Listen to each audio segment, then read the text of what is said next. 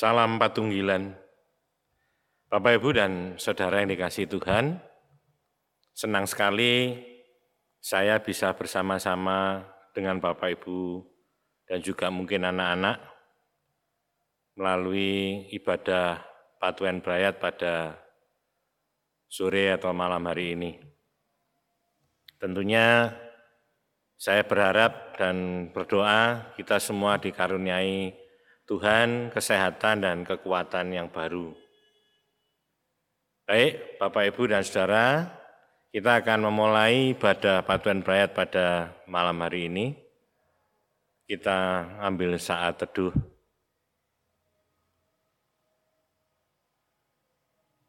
Kiranya kasih karunia dari Allah Bapa dan Tuhan Yesus Kristus selalu menyertai dan memelihara kehidupan kita dan juga ibadah patuan perayat kita malam hari ini. Amin. Bapak Ibu, mari kita bersama-sama memuji Tuhan dari Kidung Jemaat nomor 13 bait yang keempat.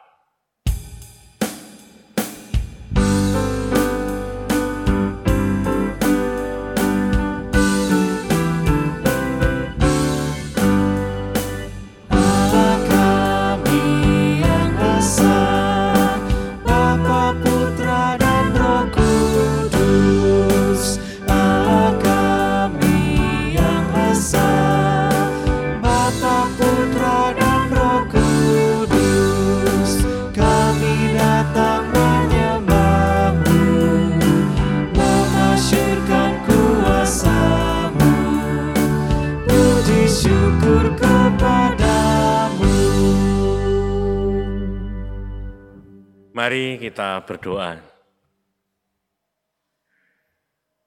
Tuhan, Allah yang kami sembah di dalam juru selamat kami, Tuhan kami Yesus Kristus,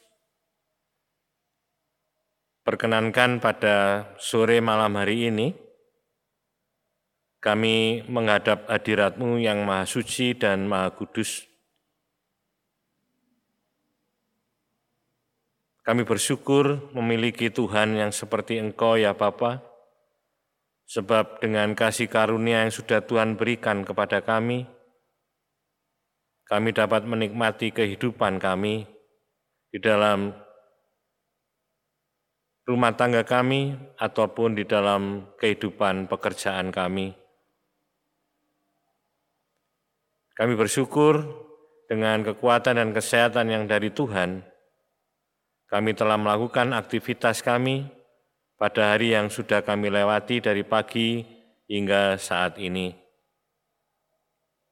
Namun kami juga mengakui akan dosa dan kesalahan kami Tuhan, agar kami layak untuk beribadah kepadamu. Bapa, kami bersama-sama akan belajar dan merenungkan firman-Mu untuk kehidupan kami. Oleh karena itu, berikan kepada kami hikmat, pengertian, dan pada akhirnya kemauan dan kemampuan untuk melakukan firman-Mu di dalam kehidupan kami sehari-hari. Terima kasih atas waktu yang Tuhan berikan kepada kami, kami bisa beribadah patuan berat pada malam hari ini.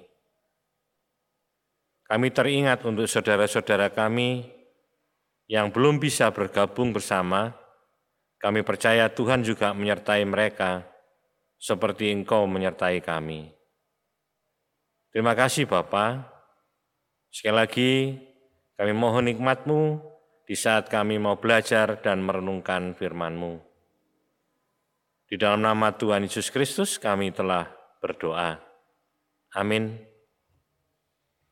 Bapak Ibu dan Saudara yang kasih Tuhan, kita akan memuji Tuhan kembali dari Kidung Jemaat nomor 54 bait yang pertama.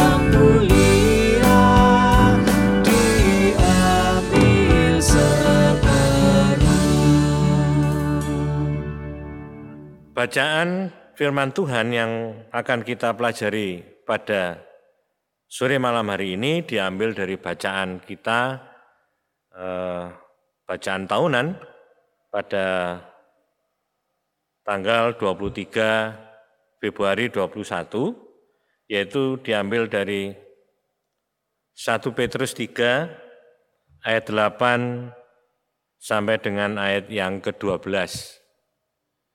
Demikian firman Tuhan. Kasih dan damai. Dan akhirnya, hendaklah kamu semua seia sekata, seperasaan, mengasihi saudara-saudara, penyayang dan rendah hati. Dan janganlah membalas kejahatan dengan kejahatan, atau caci maki dengan caci maki.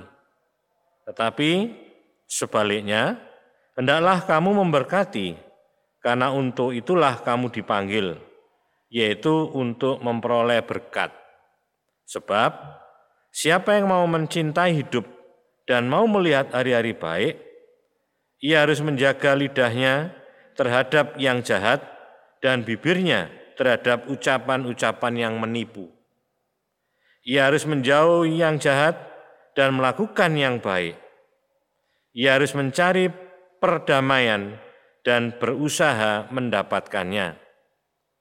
Sebab mata Tuhan tertuju kepada orang-orang benar dan telinganya kepada permohonan mereka yang minta tolong.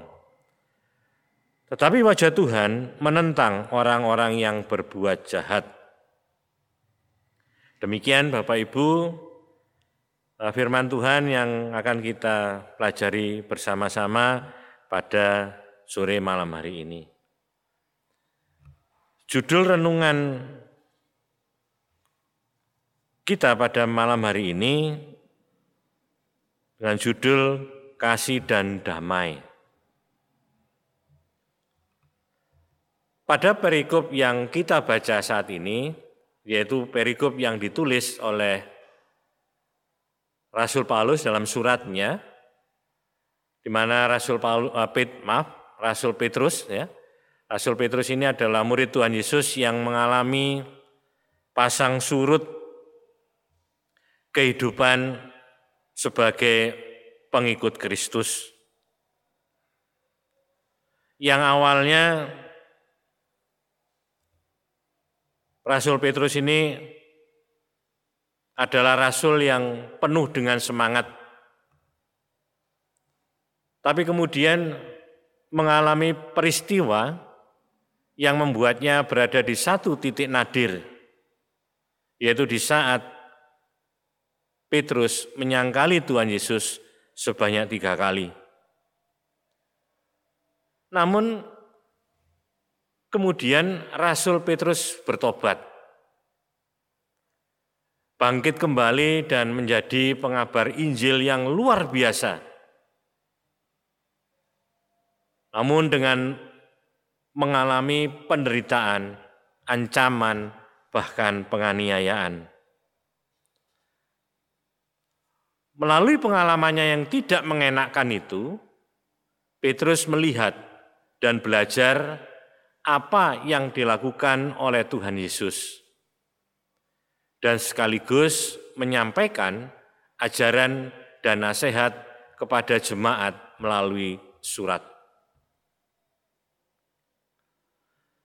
Surat ini ditulis kepada orang-orang Kristen di lima daerah, yaitu di Pontus, Galatia, Kapadokia, Asia Kecil, dan Bitinia. Kita bisa baca pada pasal 1 ayat 1 dengan perantaraan Silvanus pada pasal 5 ayat 12. Bapak Ibu dan Saudara yang dikasih Tuhan, renungan kita pada sore atau malam hari ini, kita mencoba belajar dari isi surat Rasul Petrus yang mencakup banyak hal. Seperti tentang keselamatan yang dikaitkan dengan kehidupan etika, hubungan sesama Kristen, penatua, hidup kudus, dan juga terutama tentang hidup dalam penganiayaan. Peringatan yang diberikan Petrus melalui surat ini menekankan pesan supaya jemaat tetap hidup dengan identitas Kristen yang benar, walaupun menghadapi penderitaan hidup.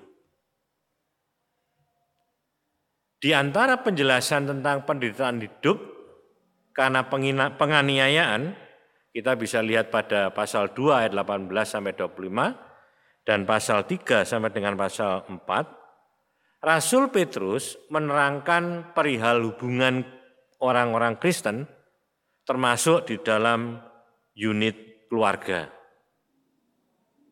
Kita bisa melihat bagaimana Petrus menjelaskan tentang hubungan yang ideal antara suami dan istri.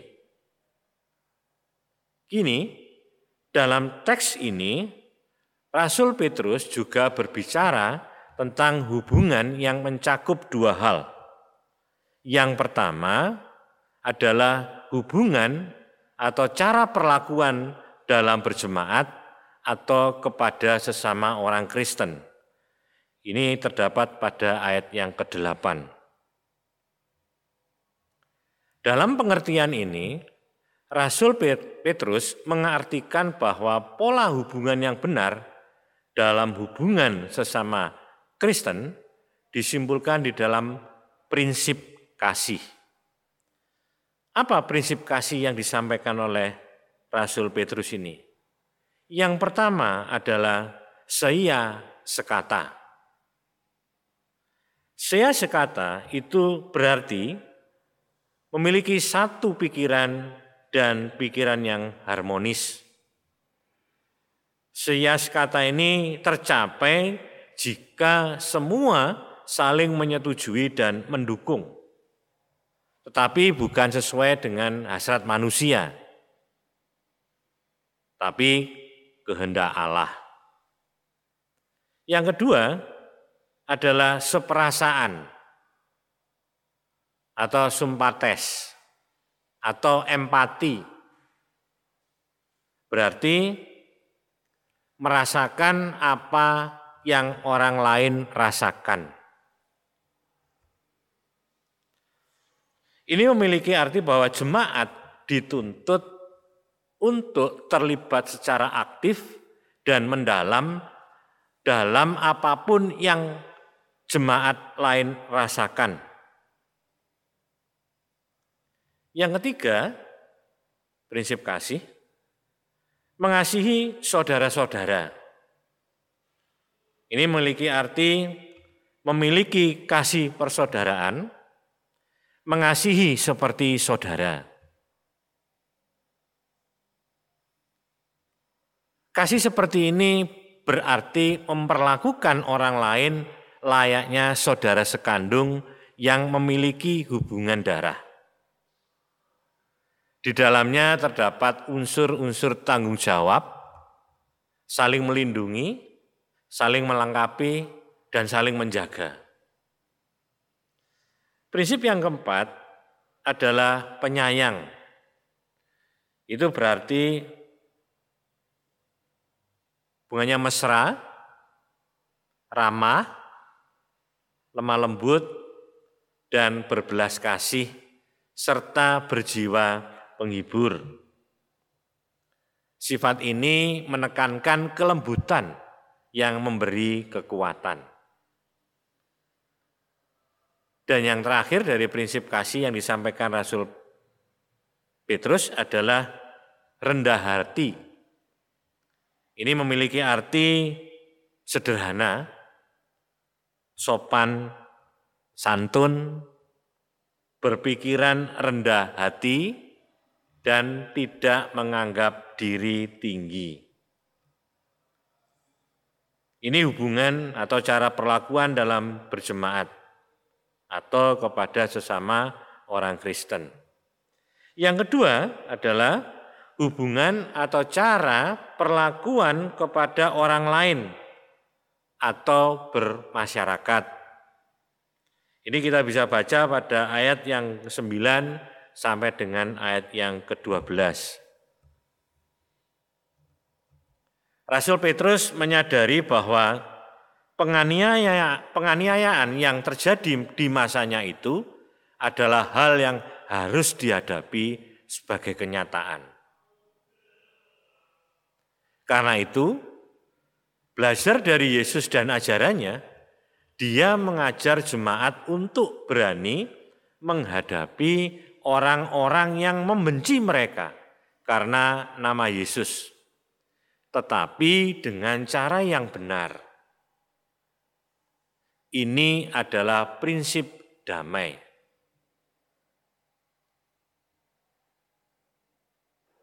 Prinsip damai yang dimaksud oleh Rasul Petrus itu adalah yang pertama, itu tidak membalas kejahatan dengan kejahatan. Ini bisa kita baca pada ayat yang ke-9. Yang kedua, Petrus memberikan resep hidup bahagia di tengah-tengah segala situasi penindasan itu. Ini bisa kita baca pada ayat 10 sampai dengan ayat yang ke-11.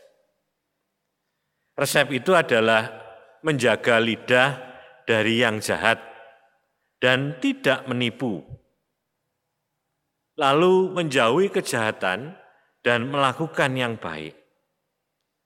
Mencari perdamaian dan berusaha untuk mendapatkannya. Yang ketiga, adalah jemaat tidak boleh takut menghadapi semua situasi tersebut.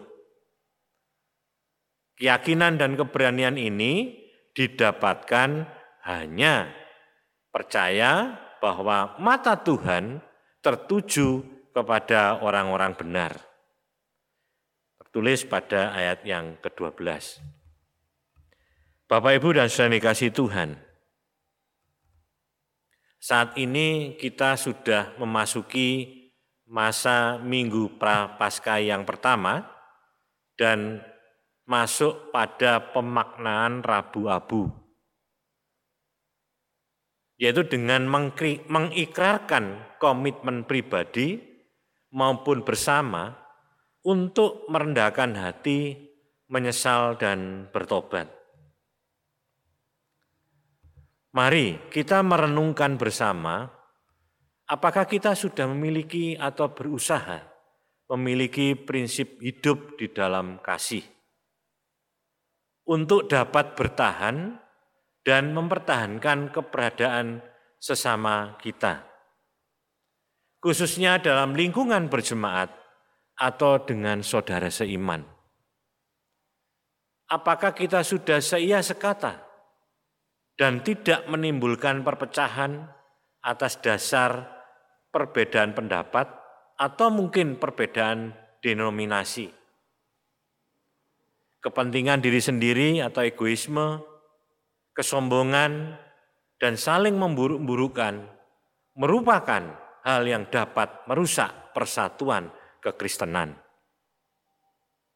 Selain itu, dalam kehidupan yang dirasa mengalami penderitaan hidup ini, baik karena faktor ekonomi atau diskriminasi atau faktor apa pun, apakah kita masih berpegang pada prinsip hidup berdamai dengan orang lain?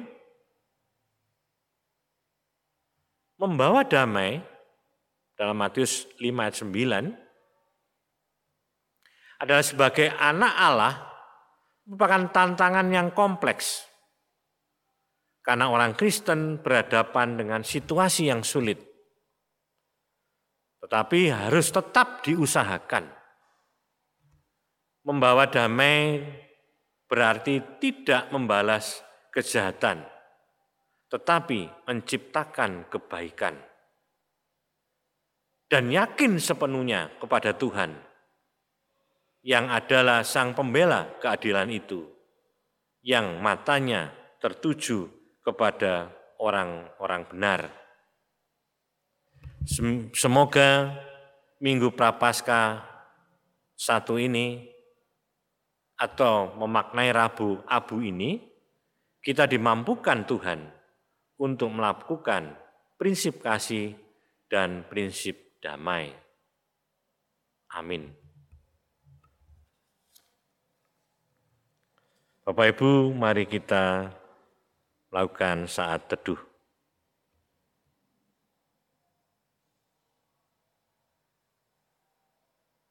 Terima kasih Tuhan akan pelajaran pada malam hari ini.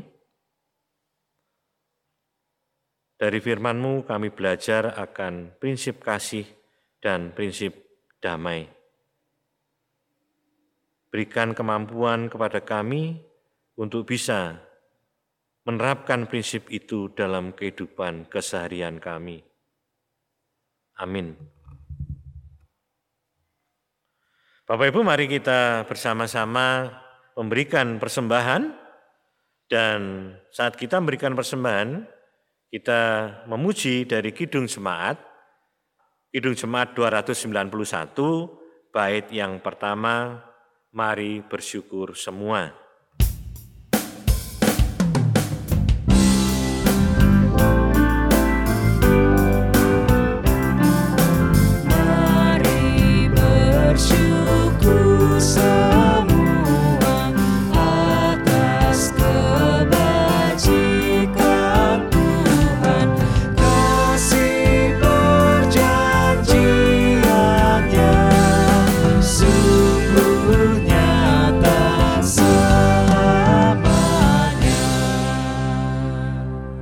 Mari kita berdoa syafaat dan doa untuk menyerahkan persembahan.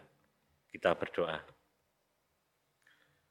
Tuhan Allah yang kami sembah di dalam Tuhan kami Yesus Kristus, perkenankan saat ini kami menaikkan syafaat kami. Kami berdoa untuk pandemi yang sedang dan masih terjadi di mana-mana di dunia ini, termasuk di negara kami Indonesia ini. Engkau tahu banyak sekali korban yang disebabkan oleh wabah ini.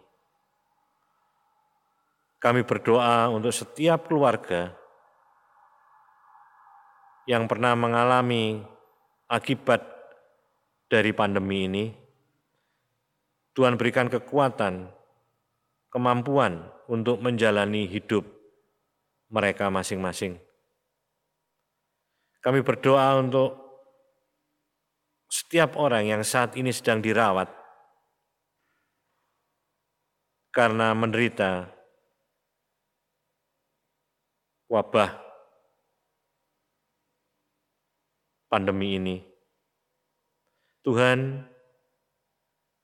sembuhkanlah mereka, pulihkanlah kesehatan mereka, sehingga mereka bisa beraktivitas di dalam kehidupannya kembali bersama keluarga ataupun di dalam pekerjaannya. Kami berdoa dengan kepada pemerintah kami yang berusaha demikian keras untuk mengikhtiarkan pandemi ini tidak semakin meningkat, tetapi semakin turun ya Bapak.